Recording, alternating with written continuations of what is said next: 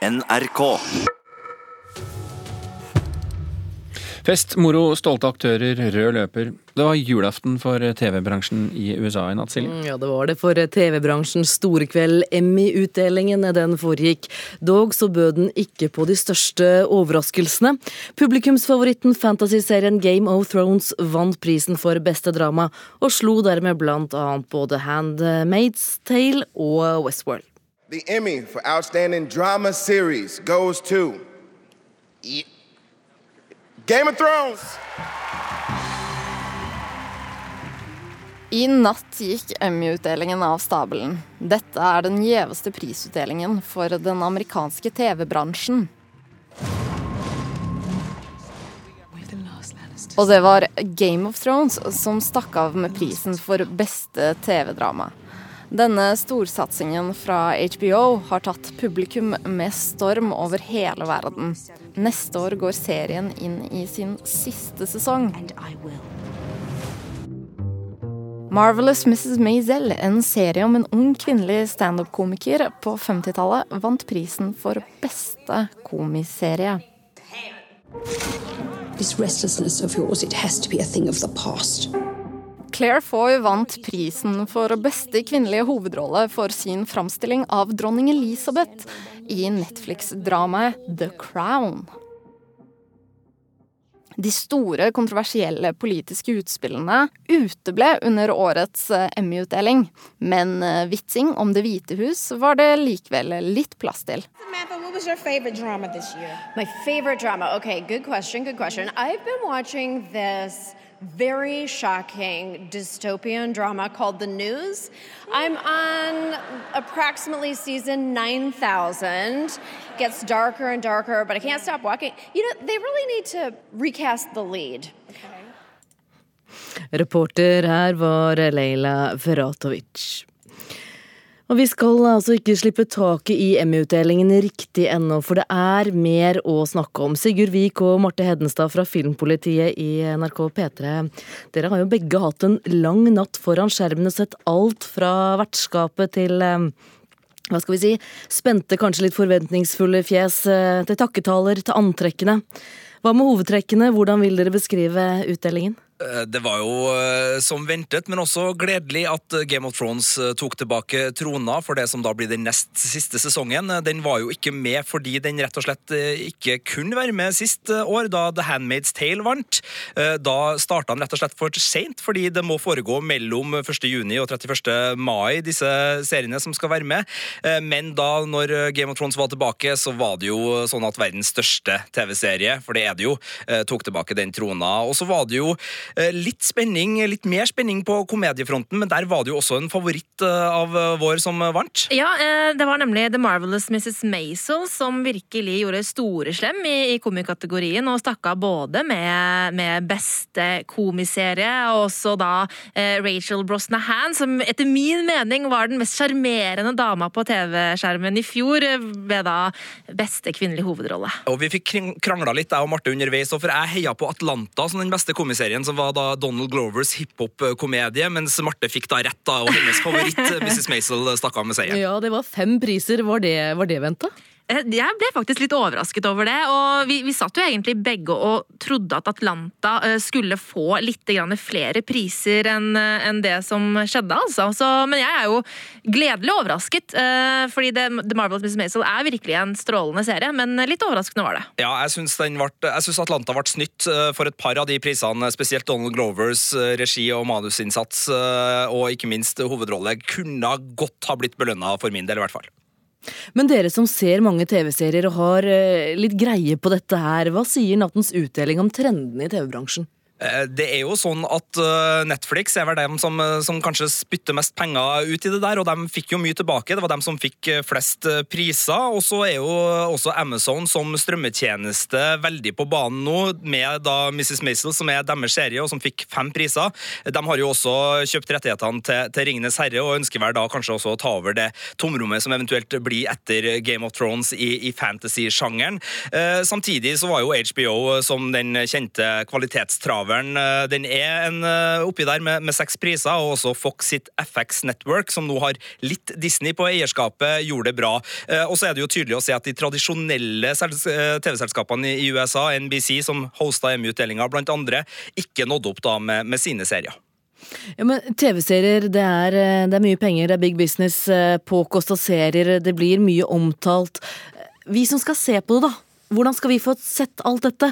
Da tenker jeg jo da selvfølgelig ikke på at dere skal administrere tiden vår, men, men mer det å få tilgang. Ja, det er jo spredt ganske godt utover eh, ulike strømmetjenester her i Norge. Så hvis man skal få med seg alt, så må man jo da eh, ha eh, TV2 Sumo, du må ha Viaplay, du må ha Amazon Prime, du må ha Netflix, du må ha HBO Nordic, så det blir jo fryktelig dyrt etter hvert. Ja, eller fryktelig dyrt er selvfølgelig relativt. Jeg regna litt på det. Rundt 600 kroner må du i hvert fall ut med hvis du skal ha bare sånn film- og serietilgangen på strømmetjenestene nå, da, som kommer i tillegg til den vanlige TV-avtalen din. Og da er det ikke med sport her, så alle de som nå var håpefulle på at eh, Premier League var med, da blir det enda dyrere.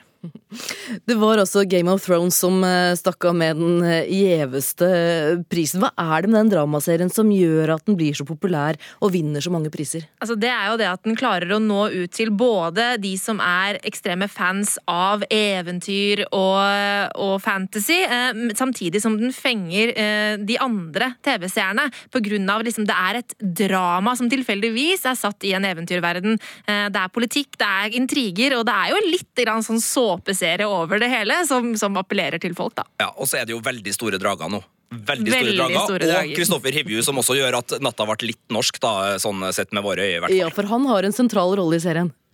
Ja, han spiller jo eh, Tormund Giantsbane, som er en eh, livatt figur eh, som eh, har fått eh, veldig sånn stor internasjonal appell eh, også. Han eh, har blitt et veldig kjent fjes, Kristoffer Hivju der, og ja, det er jo veldig artig sånn for oss, da, syns jo vi.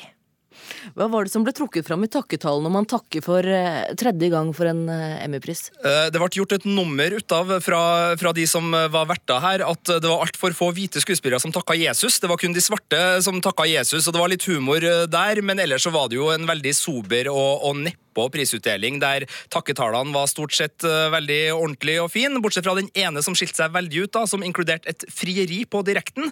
Eh, Da var det regissør Glenn Weiss som rett og slett trampa til og, og bydde opp sin kjæreste til, til scenen og, og gikk ned på et kne og ga en ring på, på fingeren der. Ble heldigvis ja, Eh, men ellers så var det en ganske sånn traust og ordentlig Emmy-utdeling, og ingen skandaler og ganske lite politikk sånn i i helheten. Ja, for det var ikke de store politiske uttalelsene eller eh, hva skal man si eh, skyllebøttene? Nei, det ble gjort et veldig nummer ut av at uh, mangfold og eh, den der evnen eh, Hollywood da spesielt har hatt til å, å kanskje utelate en del menneskers historie. Altså, det har vært veldig mye hvit heterofil samkvem som har prega TV-skjermen i USA i mange år, og man ser jo nå at mange av de seriene som er nominert og som vant priser, er annerledes serier som fanger opp flere og fortelle nye historier. Både sterke kvinnehistorier, og det er også sånn at både svarte og asiatiske eh, fortellinger har kommet mer inn i mainstreamen her, og det ble gjort et stort poeng ut av, samtidig som poenget hadde en ironisk distanse til det hele og sa at vi er jo langt unna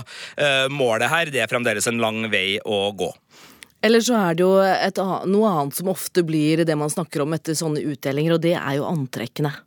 Eh, Jeg har sett på bildene på nettsidene til Filmpolitiet av kjolen til Angela Sarafian fra Westworld. eh, Ja, altså, det er jo en fabelaktig ballkjole med langt slep, en svart kjole med fullt av glitter og stas, og det er jo glitter og stas eh, som er litt morsomt når Hollywood feirer seg selv på denne måten også. Så selv om det er prisene som er viktigst, så er det jo alltid gøy å kose litt eh, grann og se på hva stjernene har eh, kledd seg i. Vi får eh, kose oss med bildene på nettsiden av de forskjellige antrekkene. Takk skal dere ha, Sigurd Vik og Marte Hedenstad fra Filmpolitiet i eh, NRK P3. Vi skal eh, forflytte oss eh, hjem igjen og til Gunhild Stordalens nye bok 'Det store bildet'. Hun er utdannet lege, men aller mest kjent for å ha startet den ideelle organisasjonen EAT, for å være gift mot helkonge Petter Stordalen, men også for å være rammet av muskelsykdommen systemisk sklerose, som hun fortsatt er eh, under behandling for. Og dette er en veldig gripende bok, det mener du anmelder, Knut Hoem? Ja, det hviler en aura av akutt fare fra første setning her, syns jeg. Hvordan vi blir pisket fremover gjennom en rekke paradokser. Moren til Gunhild Storedalen passet på døtrene sine som en smed, men hun kunne ikke unngå at den ene datteren havner i koma, og at den andre får den aggressive utgaven av denne her groteske muskelsykdommen.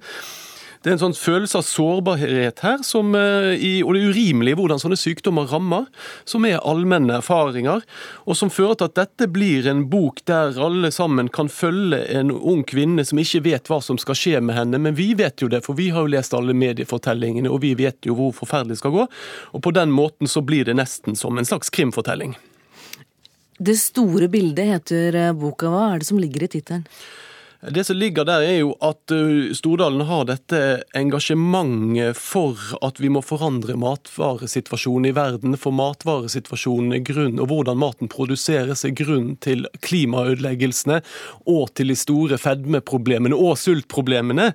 Uh, og da må man jobbe preventivt. Og dette kobler hun veldig fint med jobben som lege, og hvordan man som samfunnsmedisiner må forsøke å jobbe mer preventivt for å unngå at folk blir syke, istedenfor bare å forsøke å redde de etterkant. Så her er det ulike bilder som går fint inn i hverandre. Du nevnte jo dette her med at hun, hun er veldig syk selv. Eh, har hun skrevet boken på egen hånd? Dette er en bok som hun har skrevet, eller fortalt til eh, ektemannens assistent, den tidligere rapperen Jonas Forsang. Eh, og dessuten så har hun hatt med seg, ser jeg i takkeregisteret, en lite knippe av Norges beste journalister og forfattere som konsulenter. Så man, på en måte så kan man jo si at dette ikke kunne bli noe annet enn bra. Men hadde ikke dette vært så gripende, så hadde man kanskje begynt å tenke litt sånn på kalkyler og salg og bunnlinje, og at dette også er et Stordalen-produkt som skal gå i pluss. Men det er rett og slett en altfor spennende fortelling, altfor mye viktig som skal sies her, til at man begynner å ta det kyniske blikket. Men finnes det svakheter, da?